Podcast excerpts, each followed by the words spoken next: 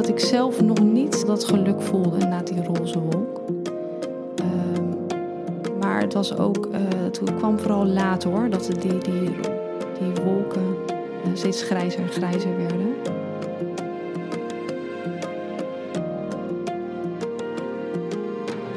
Hoi, je luistert naar seizoen 5 van Potnataal. De podcast waarin je bekende en onbekende vrouwen over een van de belangrijkste gebeurtenissen in hun leven hoort vertellen: de bevalling. Je hoort in deze podcast alleen maar door mij geselecteerde toffe vrouwen die hun verhaal open en eerlijk met jou willen delen. Laat je inspireren, voel je gesteund en verbonden met al deze prachtige vrouwen. Ik hoop natuurlijk dat dat je een beetje helpt in de voorbereiding of de verwerking van je bevalling, of misschien wel allebei.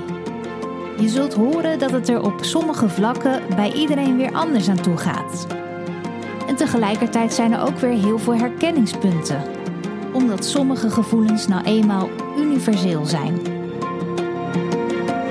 Dat gevoel van voor het eerst moeder mogen worden, dat is gewoon magie. Ik ben Simone Wijnands, moeder van een zoon en een dochter en ik maak potnataal. En dit is het verhaal van Simone.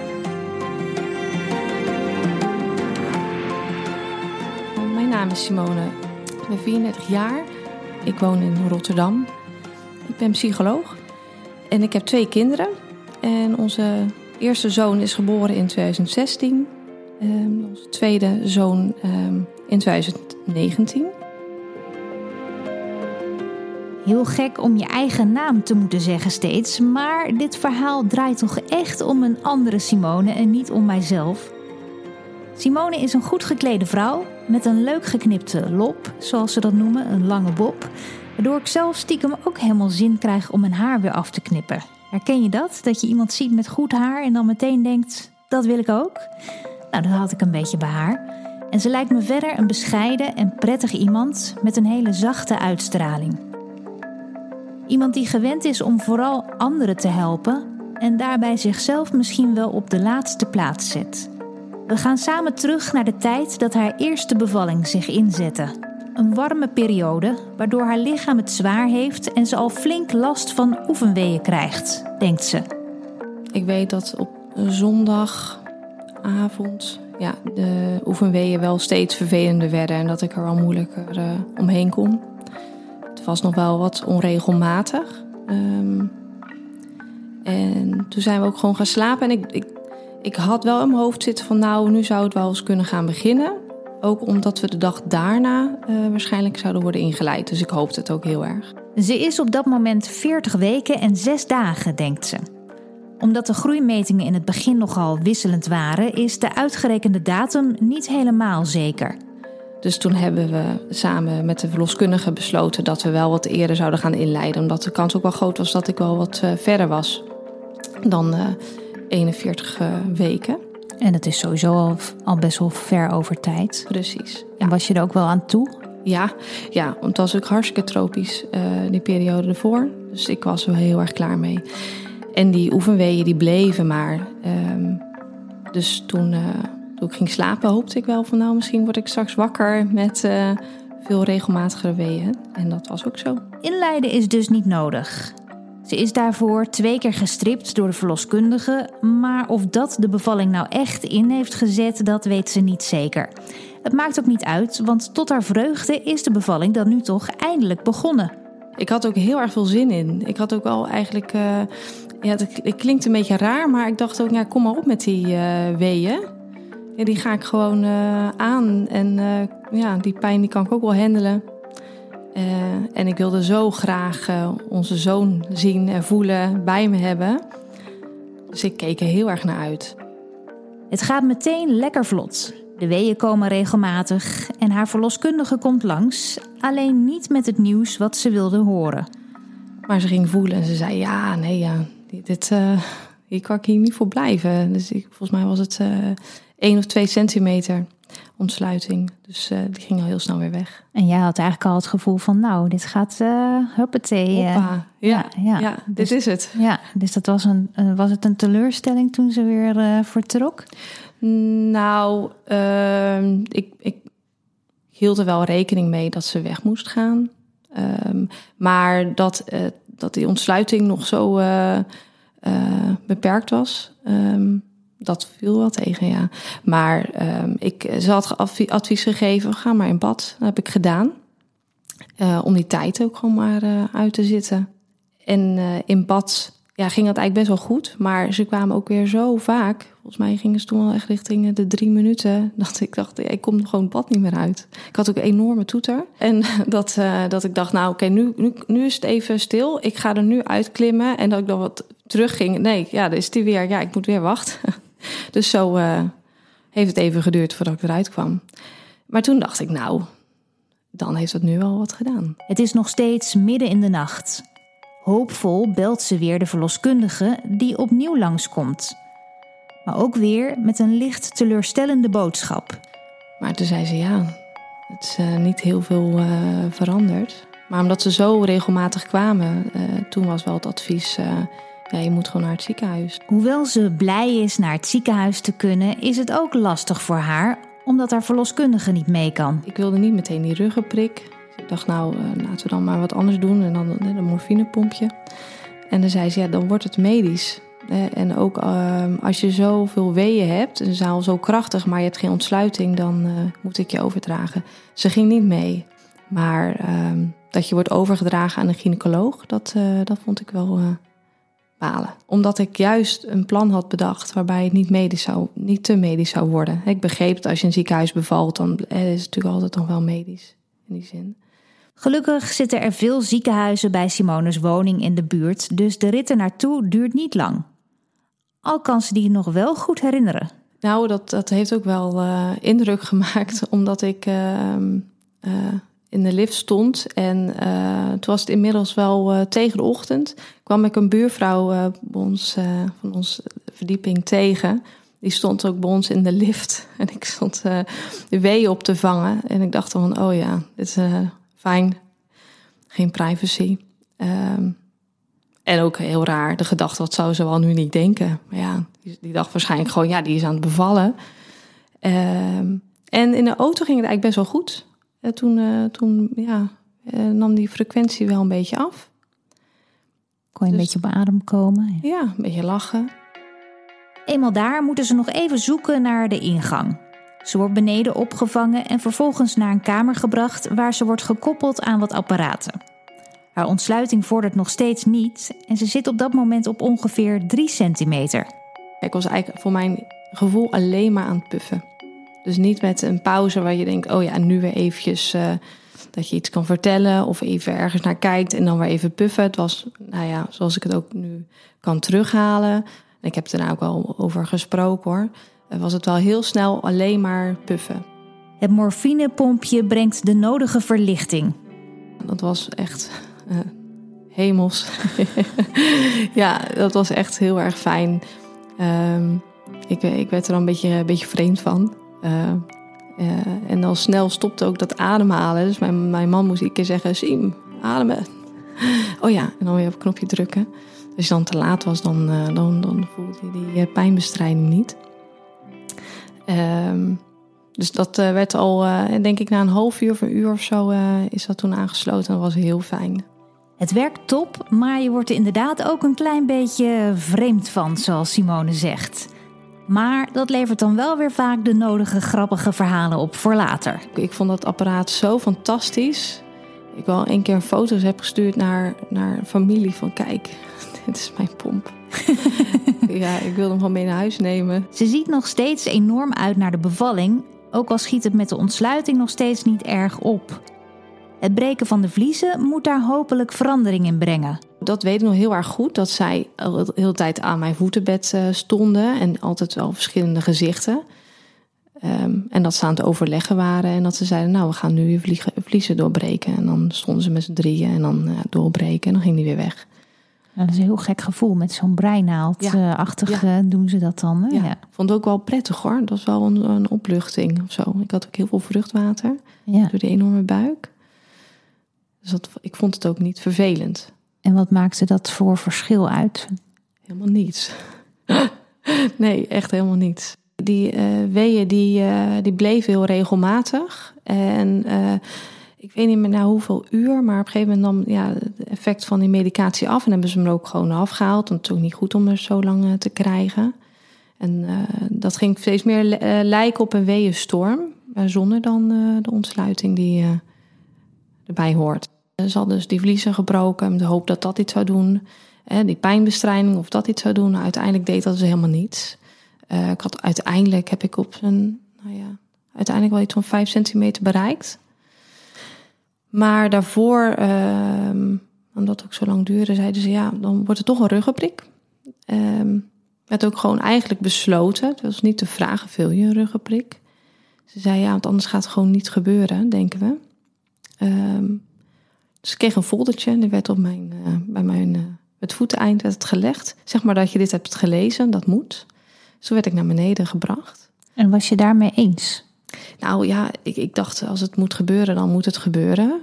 Maar op een of andere manier wilde ik dat in eerste instantie niet. Het was ook niet helemaal eh, conform mijn behandelplan.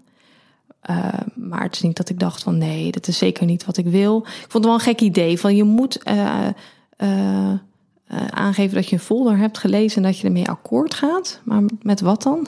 Ik, dat, dat vond ik eh, wel wat ingewikkeld, weet ik nog. Ze kunnen er niet achter komen waarom de ontsluiting niet goed vordert, ondanks de stevige weeën. Hoewel ze er gemengde gevoelens over heeft, overheerst het wat moet dat moet gevoel bij Simone over de ruggenprik. Terwijl ze onderweg zijn naar beneden om die te gaan zetten, krijgt ze opeens persweeën.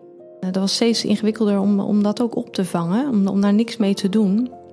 En eenmaal beneden was een hele koude ruimte, weet ik nog. Uh, heel groot, heel veel mensen. En uh, ik ben een oudere man, de arts, die, die daar stond. En die zei, ja, zij, zij gaat bij u de prik zetten. En onder mijn supervisie. En dat ik zei, ja, nee, maar dat wil ik helemaal niet. Ik wil dat u hem komt zetten. En nee, nee, dat gaan we niet doen. Of je krijgt een ruggenprik en dan zet zij hem, of niet. En dat was heel uh, streng. Ze willen waarschijnlijk ook gewoon vaart maken, wat ik ook wel begrijp. Maar dat was wel echt een hele vervelende situatie. Ook omdat ik uh, aangaf, ja, maar ik kan niet meer stilzitten. En ja, jullie zeggen dat ik stil moet zitten, maar dat kan helemaal niet. Want ik heb die weeënstormen en dat is ook niet iets wat dan even weg is. En uh, dat je dan uh, even de rust kan nemen om stil te, te zitten. En daarbij dat ik dus die, die persweeën kreeg. Ja, dan is gewoon zo'n reflex. Dan, dan, ja, ik zakte steeds mee met die perswee. En ze zeiden, nee, dat, dat heb je niet. Je hebt geen persweeën, dat kan niet. Want je hebt geen ontsluiting, hebben we begrepen. Dus dan, uh, dan heb je ook geen persweeën. En, ja, en, en die, die uh, jonge arts die bij mij wilde gaan zitten, was ook heel streng. Echt van, nee, zit stil, zit stil. Wat een rare, vervelende situatie. Ja, zeker als je er misschien op dat moment nog niet eens... maar misschien als je erop terugkijkt ook wel... dat je dat meer realiseert, dat het ja, niet helemaal is zoals je het van tevoren had bedacht, zeg maar. Nee, nee ik weet ook dat ik wel, uh, ik, misschien ook de vermoeidheid hoor, maar wel erg uh, geëmotioneerd was. Uh, omdat ik, ja, ik geen vertrouwen in had dat hij goed werd gezet. Ik had gewoon het vertrouwen niet. Maar ja, um, ze hebben hem in ieder geval wel erin gezet. Ik wil natuurlijk wel graag gewoon dat de bevalling verder op gang zou komen. En je man was natuurlijk daar dan niet, die mag daar, mocht daar niet bij zijn, denk ik ook. Dus hoe werd je door iemand gesteund of hoe, hoe zorgden ze ervoor dat je, dat je wel op je gemak, enigszins op je gemak kon stilzitten? Nou, ik had wel een. Uh, op een gegeven moment kwam de uh, verpleegkundige erbij. Dat was wel al lange tijd hetzelfde gezicht. En mijn man was er volgens mij ook. Alleen die mocht er niet bij zijn op het moment dat hij echt werd, werd gezet. Maar die was wel op dezelfde afdeling. Um, dus dat was ja, uh, hoe ik me een beetje mijn gemak gesteld voelde. Maar verder was het wel gewoon echt uh, vervelend.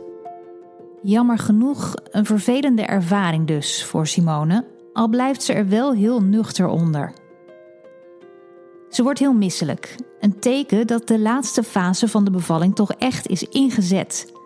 Maar nog altijd heeft ze niet genoeg ontsluiting. Ook de ruggenprik doet zijn werk niet. Waarschijnlijk omdat hij niet goed is gezet, doordat het onmogelijk voor haar was om stil te zitten.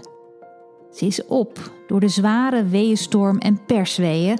En ook het ziekenhuis is door de opties om haar bevalling te laten vorderen heen, zo lijkt het. Ze wisten het ook gewoon niet van wat moeten we nou doen. Maar op een gegeven moment zeiden ze wel van nou, eh, je krijgt een keizersnede. En toen eh, kreeg ik ook uh, weeënremmers om het maar te, te laten stoppen. Want dat ging toch natuurlijk niet gebeuren. Dus dan kan je ook weeënremmers krijgen. Maar hoe kon het dan dat het niet. Wat, wat was hun. Hebben ze dat nog aangegeven? Wat was hun verklaring dat het niet verder op gang kwam, die ontsluiting? Ja, dat heb ik ook heel erg gemist. Ik wilde het zo graag weten en die, dat antwoord kreeg ik gewoon niet. En uh, ze zaten ook in wisseling van dienst. Er waren zoveel verschillende soorten disciplines en, en mensen aan mijn bed. Um, dat die communicatie niet heel erg uh, optimaal was. Achteraf heb ik het wel te horen gekregen toen, uh, als je teruggaat naar het ziekenhuis om, ehm, nou ja, om de laatste check te krijgen. Toen noemden ze het een AH-ligging. Nou, ik weet niet wat dat was. Um, uiteindelijk opgezocht, kwam ik ook niet achter. Maar bij een tweede bevalling kwam ik er wel achter toen ze het dossier hebben opgevraagd. Toen was het gewoon heel simpel een achterhoofdligging. En hij was dus niet ingedaald. Dus dan uh, waarschijnlijk drukte die wel tegen iets um, uh, waardoor die weeën ontstaan. Maar uh, moet je ook ergens op, op drukken met dat hoofdje om die ontsluiting te krijgen. En, en dat gebeurde dus niet. Het loopt allemaal anders dan ze zich had voorgesteld, maar kan zich op dat moment goed verzoenen met de aanstaande keizersnee. Ook omdat ze qua energie wel echt op is. De weeënremmers brengen weer even wat verlichting en met haar baby gaat het gelukkig allemaal nog steeds goed. En dan gaat het eindelijk gebeuren. Ik kwam eh, binnen en uh, ik vond sowieso een hele fijne sfeer ten opzichte van bij de verlos, verloskamers was het heel rustig. Allemaal vrouwen, wat ik echt heel erg leuk vond op dat moment. het was ook gewoon euforie en ik was heel enthousiast, weet ik nog. Um, ze zetten die nieuwe ruggenprik. En dat ging goed meteen. En ze konden hem ook echt heel goed stilleggen. Was ook heel anders dan bij de eerste keer. En die werkte meteen. Ja, je voelt wel dat ze, dat ze bezig zijn. Hè? Een beetje getrek aan je buik. Um, en ze um, hebben ook wel uh, wat toelichting gegeven. Van nou, we maken nu uh, je buik open en uh, hij komt eruit. En ik zag hem niet zelf uit mijn buik komen. Ik heb wel gezien dat ze hem toen op een gegeven moment boven het kleed, of boven de doek, dat ze hem zo lieten zien. Zo'n Lion King momentje. um, en toen hebben ze hem schoongemaakt, gecheckt. En toen gingen ze tegelijkertijd met mij verder met, met hechten ja, dat ging eigenlijk heel erg snel. Ze leggen haar zoon eventjes op haar borst. Ik vond hem prachtig. Hij had heel, heel veel haar, heel veel donker haar. En ze zei dan geef maar een kusje. En ik dacht, ja dat kan niet, want dadelijk dan, uh, dan besmet ik hem ergens mee. Ik weet nog dat ik dat wel dacht. Dus ik was heel voorzichtig met hem. Um, maar ja, ik vond hem wel echt ja, heel mooi en heel gaaf. Het ruikt ook zo lekker dan, hè? Ja, ja, ja. Het was wel heel kort. Ze hebben wel mooie foto's gemaakt.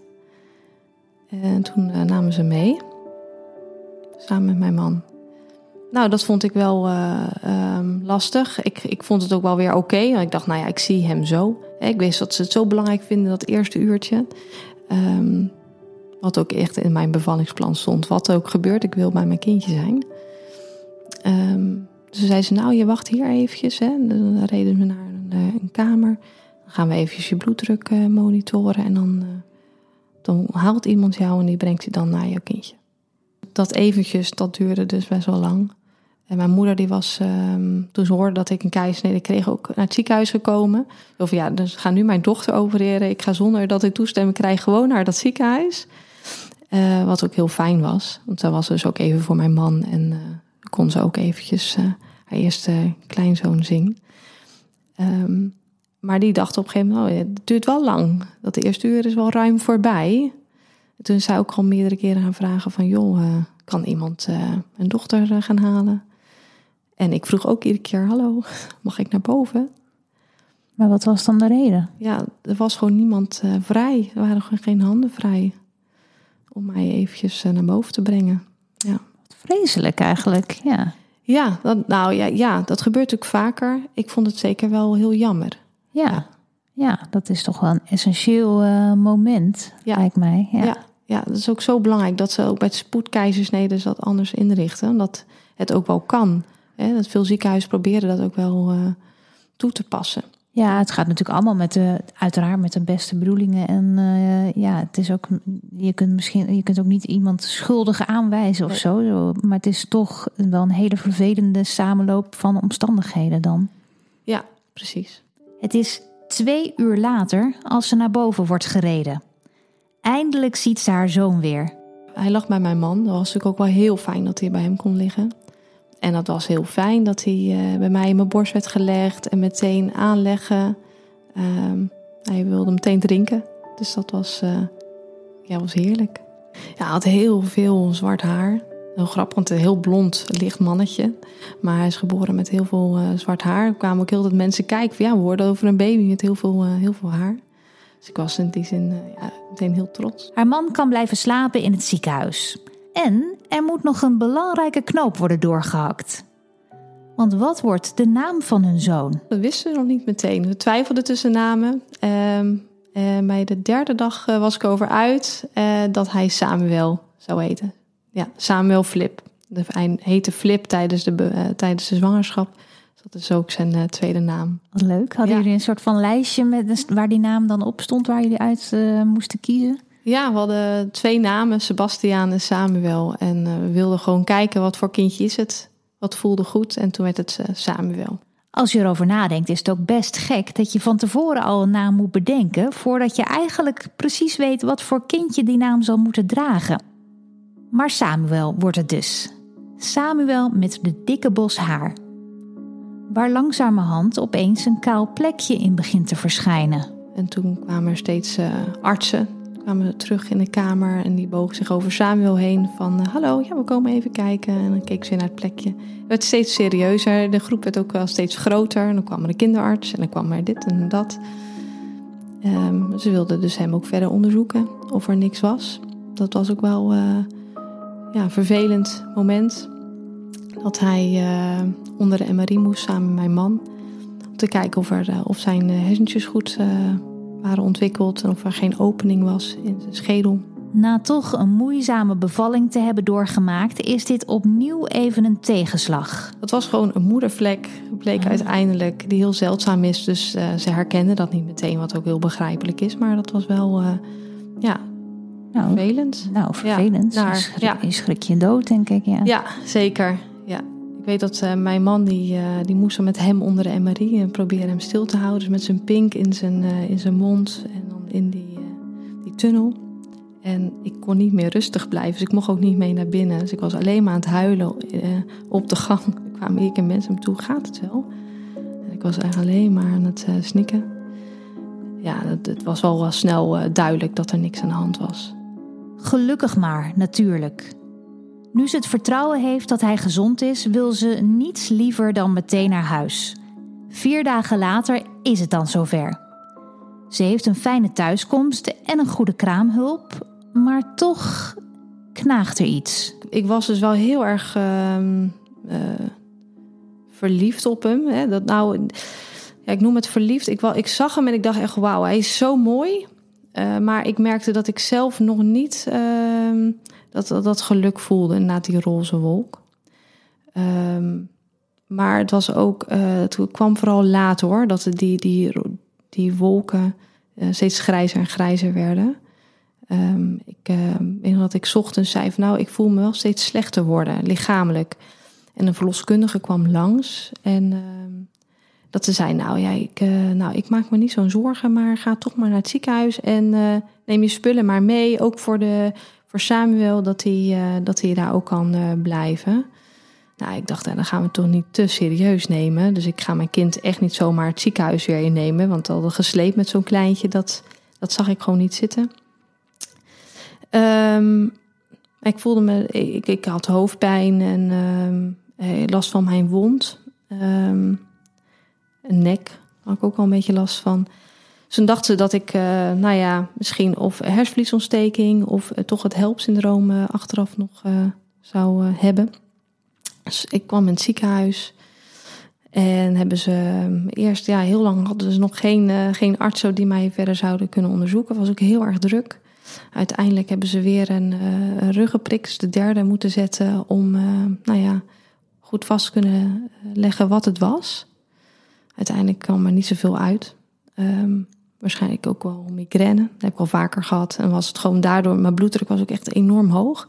Volgens mij uh, tegen de 180. Normaal heb ik een hele lage bloeddruk, dus dat was wel, uh, wel gek. Ehm, dus daar is het vooral een beetje begonnen. Dat ik uh, het gevoel had van, nou, ik kom in het ziekenhuis en ik kom ook niet meer uit. Hoewel het ziekenhuis haar in eerste instantie toch wil houden, mag ze uiteindelijk in de avond naar huis, tot haar grote opluchting. We vochten echt om wie als eerste naar binnen uh, zou kunnen stormen om onze zoon te zien. Dus ik was heel blij dat we weer uh, met elkaar waren. En ik heb ook een uh, leuk filmpje toegestuurd van mijn moeder die dan met bij onze zoon was. Maar ja, ik was dus nog niet hersteld. Um, Blijkbaar is er in, uh, tijdens de bevalling, hè, door het, het, uh, die weeën opvangen, heel veel spanning gaan zitten in mijn nek. In combinatie met het herstel van een uh, keizersnede. Ik weet niet of je dat weet, maar dan, ja, dan moet je natuurlijk op een bepaalde manier uit bed draaien. Mm -hmm. Ja. Je hebt, ook keizersnede ja, gehad? Ja, ja, dus ik weet het. Ja, ja. dat is heel, heel lastig. Ja. ja. En heb ik, heel, heb ik een paar keer te veel uh, verkeerde kracht denk ik op mijn nek gezet. De combinatie met uh, waarschijnlijk dan die migraine heeft dat iets getriggerd in mijn nek. Um, en op een gegeven moment kon ik dus ook gewoon niet meer um, nou ja, liggen. Ik kon geen, niet meer horizontaal uh, liggen. Want als ik dat deed, dan schoot het um, ja, er iets in. Dan kreeg ik zenuwpijn. Uh, ook als ik mijn nek een beetje verkeerd uh, draaide. Of als ik, hè, als ik liep en, en ik hield mijn hoofd niet in de juiste richting, dan schoot het er ook in. En dat heeft de hele tijd aangehouden. En dat is uh, voor mij wel de ja, mokerslag geweest. Waardoor ik me ook uh, heel uh, vreemd ben gaan voelen. De donkergrijze wolken pakken steeds meer samen boven het hoofd van Simone. En hoewel je misschien zou denken dat ze vanuit haar expertise als psycholoog wel bepaalde signalen zou moeten herkennen, gebeurt dat toch niet. Dat heb ik dus totaal niet bij mezelf herkend. Ik weet niet of het. Ik, ik, Um, en in, uh, in hulpverlening uh, werken we heel erg veel met de DSM. He, om een diagnose kunnen stellen heb je gewoon criteria en daar kijk je naar, zodat we op de juiste manier kunnen communiceren met de patiënt en met andere hulpverleners. Uh, maar het is natuurlijk altijd een soort van geleidende schaal, een spectrum waar je in, zit. Ik denk dat ik wel op dat moment. nou, ik was wel heel somber. En, um, en ook wel heel erg eenzaam op dat moment, vooral met die nek omdat iedereen ging slapen s'nachts. Mijn man ging slapen en mijn zoon ging slapen. En ik kon dus niet liggen. Dus ik ging dan maar s'nachts rondjes lopen in huis. Om haar uh, ja, die nek uh, um, de juiste houding te kunnen geven.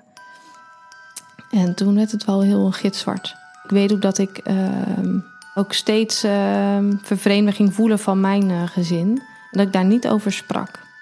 En dat verbaast me eigenlijk nog steeds wel. Dat ik dat dus ik denk dat ik mijn man wel signalen heb willen geven, maar die was ook hartstikke moe. Die moest zoveel opvangen. Die heeft ook zo slecht geslapen. En onze zoon helde heel erg veel. Dus die was ook uh, verrot, ook een overlevingsstand. Maar ik uh, wist echt niet meer wat ik met mezelf aan moest. Nee, gek hè, dat je dan inderdaad, nou, nu kun je er nuchter op terugkijken, maar toen natuurlijk niet. Maar dat je zelfs al heb je zo'n achtergrond zoals jij, dat je dan nog het bij jezelf, dat het, dat, het toch moeilijk is om... Uh, ja, om dat te herkennen. Ja, ja. En aan de bel te trekken dus. Ja, dus echt door terug te kijken, dat ik begrijp van ja, ik, het is wel heel raar wat ik heb gedacht en, en heb gezegd. En op dat moment. Um, ja. Wat voor soort dingen dan? Nou, ik weet dat ik. Uh, uh, toen waren we eerst al naar de huisarts geweest. Zeggen van nou ja, dit gaat natuurlijk niet goed met die nek. Um, en die huisarts maakte er wat grapjes over. Die deed er, ja, die, die nam het gewoon niet serieus. Hij zei, nou, nog twee weken. En hij, daarvoor, hij wist überhaupt niet dat ik net was bevallen. Dat ik net een keisnee had gehad. Vond ik ook zo apart. Um, hij maakte grapjes omdat ik, oh, dat ik uh, strompelde. Ik denk, ik heb net drie uh, ruggenprikken gehad. En ik heb een keisnede gehad. Wat, wat verwacht je? En uh, Hij zei, ja, maar je geeft borstvoeding, dus dan ga je niet te veel pijnbestrijding geven. Dat kan niet. Ik zei, nou ja, ik hoef eigenlijk helemaal geen borstvoeding meer te geven. Ik ga wel kolven. Ik bedoel, er moet iets. Nee, dat, dat, dat gaan we niet doen. En weet dat we wegliepen en dat ik dacht van, ja, ik wil gewoon niet naar huis. Ik wil uh, echt niet naar huis. Ik was zo wanhopig en ik heb het niet gezegd of echt laten merken. Ik denk wel veel gehuild. Um, maar ik heb niet duidelijk kunnen verwoorden dat ik op dat moment er helemaal doorheen zat. En dat ik ook wel visite kreeg van een hele goede vriendin. Um, en uh, dat ik ook gewoon, ja, ik vond het zo heerlijk om haar te zien. Dat ik dan maar wel een beetje last kreeg van mijn nek of zo. Maar dat ik, dat ik gewoon vooral aan het lachen was. Dat ik het niet duidelijk kon zeggen van ja, het gaat eigenlijk helemaal niet goed. Nee. Dat is heel apart. Ik, ik ken dat ook niet van mezelf. Het brengt zoiets anders in je naar boven, door die kraamtijd. Uh, althans bij mij. En daar had ik helemaal geen rekening mee gehouden. Nee. En dat heb ik dus ook in die bevallingsplan nooit in meegenomen. Je kijkt heel erg medisch naar en niet van wat, wat, wat, hoe ga ik handelen als ik me toch wat minder goed ga voelen. Ja, omdat je gewoon ook omdat je een goede zwangerschap verder had. En uh, nou ja, dat je ook Ja. gewoon denkt van ik heb het allemaal ook goed op een rijtje en ik weet wat ik wil en ik zou dat herkennen, die signalen. Ja. En dan blijkt het toch in de praktijk niet zo te zijn. Ja. Nee, nee. En ehm, ik, ik maak er ook wel grapjes over. Dat heb ik al een lange tijd gedaan. Ik, die vrouw, die, die buurvrouw die bij mij eh, in de lift stond toen ik die weeën kreeg, die zag ik ook 's ochtends vroeg toen ik om half acht eh, naar de fysiotherapeut ehm, ging ehm, voor mijn nek. kwam ik haar tegen. Ik, ik voelde me heel vies en ongewassen. Maar ik, ik moest en zal naar die fysiotherapeut gaan. En ik zag haar en, en ze keek en ze vroeg: eh, Goh, eh, ehm, hoe gaat het? En ik zei: eh, Ja, ja, al goed, maar het is wel echt. Ik, ik weet niet of je kinderen wil, maar ik zal er nooit aan beginnen. Dat heb ik gewoon echt heel, heel serieus gezegd. Het is echt een, een.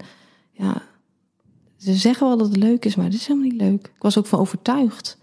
Ik ben in de val gelopen. Dat, eh, nou, die signalen heb ik haar dus in die zin wel gegeven. Ja. Wat natuurlijk wel heel raar is dat je iemand die eigenlijk verder nooit spreekt, dat, dat, dat je dat zegt. Ja, is nogal een advies. Ja. Nee, ja, Ja. ja. Ehm, ik heb er daarna nog wel eens gezien hoor en heel eh, vrolijk gekeken. Heeft ze kinderen inmiddels? Of, eh, Nee, ja, ik geen idee, maar ik hoop eh, dat het in ieder geval haar niet heeft, eh, in de weg heeft gestaan. Maar dat is natuurlijk wel, wel gek, dat je dus eigenlijk naar de buitenwereld, het, die, die mensen buiten je, je, je privé kring het wel laat zien.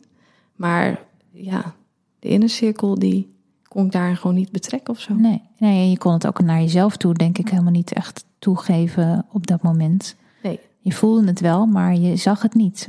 Ja, ja, ik schaamde hem ook heel erg voor. En dat herkennen heel veel vrouwen die, die, eh, ehm, eh, die somberheid kampen na de bevalling. Ja, dus je voelt je echt eh, nou, alsof je je kind en je man tekort doet. Daar was ik ook van overtuigd. En dat ik dan s s'nachts, vooral s'nachts, op het moment dat ik weer kon liggen en, eh, in bed lag, en dat ik, dat ik naar hem keek en dat ik, dat ik me zo vervreemd voelde van, denk, ik, oh ja, jij bent mijn kind, ja. Ja, ik kon hem ook niet troosten. Hij, hij liet zich ook niet troosten door mij. Ik denk dat ik één groot spanningsveld was. Ik vind het ongelooflijk dapper dat Simone hier zo open over durft te praten. Daarvoor heeft ze natuurlijk over de nodige drempels heen moeten stappen. Maar ik denk juist het feit dat zij, iemand met haar achtergrond, dit durft te delen, heel belangrijk is. En voor herkenning kan zorgen als je hetzelfde voelt. Het is niet iets om je voor te schamen. Je doet jezelf tekort door het allemaal bij jezelf te houden. En dat realiseert Simone zich achteraf ook. Toch durfde ze toen niet aan de bel te trekken voor hulp. Dat heb ik dus eigenlijk helemaal niet gedaan. En dat gebeurt denk ik ook ehm, heel veel vaker. Hè, dat, eh, ehm, het hoort er enigszins ook gewoon bij. Hè? Die baby blues, die hoor je heel vaak. En die kraamtanen. Ik zei, je hebt een beetje kleine schaal. Bij de ene duurt het eh, ja, een, een, een, dag of niet. En een ander week en ander maanden. En ik denk dat het mij heel erg met ups en downs ging. En ehm, ja, we sliepen slecht, dus dat was wel vaak een thema. Maar nooit echt van wat doet het dan met je, met je geest, met je hoofd, met je, met je gedachten. Ehm, ik, ook in aanloop van deze eh, podcast had ik het ook over met, eh, met mensen in mijn omgeving. En toevallig ook mijn tante, die ik heel erg goed ken. En dat ze ook dacht, hé, maar ik heb nooit geweten dat jij je zo slecht hebt gevoeld. Want bijzonder dat je dat dan niet uitspreekt. Terwijl ik verder best wel een open boek ben. Althans, dat denk ik altijd. En hier heb ik dat dus niet gedaan. Het is niet een of ander moment geweest dat ik dacht, nou, nu ben ik weer helemaal de oude. Um, het is nog steeds wel uh, dat, dat um, als, ik, als ik terugkijk naar toen hij ongeveer een jaar was en als hij dan heel veel huilde, dat ik dan wel snel uh, geëmotioneerd was. Ik kon in die zin dat wij slecht hebben. Um, slechter dan dat ik het nu zou hebben. Dus. Um, en het realisatiemoment zelf, van wanneer dat ik, dat ik besefte van nou het gaat niet helemaal goed. Ja, dat is dus gewoon gegroeid. Ik denk door, door er af en toe over na te denken en ook in aanloop naar de tweede, hè, dat ik uh, nog een keer zwanger uh, werd en, en, uh, en bevallen, dat ik ook eh, het verschil zie van hoe ik me voelde. Dat het niet per se normaal hoeft te zijn dat je zo slecht en eenzaam voelt. Ja, dus het is iets wat is, is, is gaan groeien. De realisatie kwam dus voor een groot deel pas achteraf, net zoals ze er dus uiteindelijk geleidelijk aan weer uitkwam. Het geeft ook aan hoe moeilijk het ook kan zijn voor buitenstaanders om te zien wat er speelt en te helpen. Hoe complex het kan zijn. Ze zou zichzelf, nu ze erop terugkijkt, niet diagnosticeren met een postpartum depressie. Nee, ik, ik denk dat het. Uh ook heel erg situationeel was. Hè, doordat inderdaad heel veel uh, gebeurde. Uh, en ook de lichamelijke uitputting. Op het moment dat dat dus wegviel, ging ik me ook wat beter voelen en was er wat meer wisseling. Maar ik denk wel dat het een grensgebied was. Ja. En ook dan, en daar hoop ik ook vrouwen altijd in aan te moedigen, blijf praten. Ik deed het dus zelf ook niet. Dus nou ja, ik weet niet hoe, die oproep dan eigenlijk kan doen als je het zelf niet doet. Hè, maar ik, uh, ik, ik hoop het wel altijd als we de vrouwen in mijn omgeving bevallen waarvan ik weet van, hè, dat tijdens de eerste bevalling het ook moeizaam is uh, verlopen, mentaal gezien. Dan ga ik het wel vaak doorvragen van ja, maar hoe voel je je nou echt? En uh, zijn er momenten dat je heel slecht voelt. En die voelt je nu goed, maar dat betekent niet dat je overal gezien ook altijd goed voelt. Dat hoeft ook niet. Er wordt vaak zwart-wit gedacht als het aankomt op de eerste tijd na de bevalling. Er is of die roze wolk, of een postpartum depressie, zoals je hem wel eens voorgeschoteld krijgt in eh, films of boeken. Maar daartussen zit juist nog een heel groot grijs gebied. Het is niet het een of het ander. Je hebt dan die kraamtranen, maar heel veel uh, vrouwen herkennen zich daar ook weer niet in. Hè? Want ja, de, de, op de vijfde dag een beetje huilen. Hè, denken ze dan van, nou ja, dat is ook weer niet wat ik heb. En dan ook misschien de angst van, ja, dadelijk heb ik echt een depressie en, en dan moet ik aan een medicatie. Dus, dus um, dat, dat, dat vrouwen beter begrijpen van, nou ja, de, er is een grijs gebied. En, en um, ook dan is er ruimte om te praten uh, met elkaar of met de hulpverlening waar je, wat je prettig vindt. Dat is gewoon heel erg belangrijk. En niet alleen vrouwen, ook hè, de omgeving. Want het is gewoon ontzettend moeilijk. En dat zie je zelf dus ook, hè, om uh, het bij jezelf te herkennen. Met de kennis die ze nu heeft, zou ze andere vrouwen adviseren om hier vooraf ook goed over na te denken in je bevallingsplan. Het klinkt een beetje raar. Dat betekent niet dat je op een, op een, op een heel zwart scenario moet voorbereiden. Zeker niet. Maar van, goh, waar, waar zouden mensen aan mij kunnen merken dat ik me misschien toch wel minder goed voel? Um, en, en zou ik bijvoorbeeld een, een, een klein signaal aan kunnen geven bij mijn partner of bij een hele goede vriendin of in de familie? Van nou, het, is, uh, nou, het zit niet goed. Zonder dat je te veel over gaat uh, uitweiden. En dat iemand dan ook dus naar vraagt. Want dat zet je aan het denken. Want op dat moment ben je zo bezig met, met van alles wat, wat, wat gebeurt. Je hebt weinig reflectiemomenten. En uh, zodra je omgeving daar toch wat, wat kritischer naar gaat vragen, dan, um, ja, dan sta je meer stil bij van ja, hoe voel ik me en durf ik me ook uit te spreken het is zo, het is zo in conflict met het vreugdevolle moment wat het is. dus, dus dat maakt het zo'n taboe. Ik heb altijd wel moeite om het woord taboe te gebruiken, want het wordt wel vaak gebruikt. Maar ik denk dat het in deze context heel erg opgaat. Ja, mensen willen toch het liefste het positieve, vrolijke plaatje van een blije moeder achter een kinderwagen. Ja, maar het is ook ook. Mensen komen naar binnen en zeggen: Hé, hey, wat leuk om je te zien. En dan willen de baby zien: Oh, wat een plaatje. En nou, hoe gaat het? Ja, en zeg dan maar eens nou, hartstikke beroerd. Ik heb er helemaal geen zin in. Is dit het nou? Nou, dat zijn dus niet de opmerkingen die je wilt, die je wilt maken. Maar soms is het wel hoe je je voelt. En weet dat dat ook oké is. En dat je het echt niet in stilte hoeft te dragen. Deze periode ligt inmiddels natuurlijk al een poosje achter Simone. Hoe gaat het nu met haar zoon? Hartstikke goed. Heerlijk, uh, heerlijk ventje. Nee, het is echt, uh, we zijn heel hecht. Hè, waar ik bij, ik zei, in het begin kon ik hem moeilijk troosten.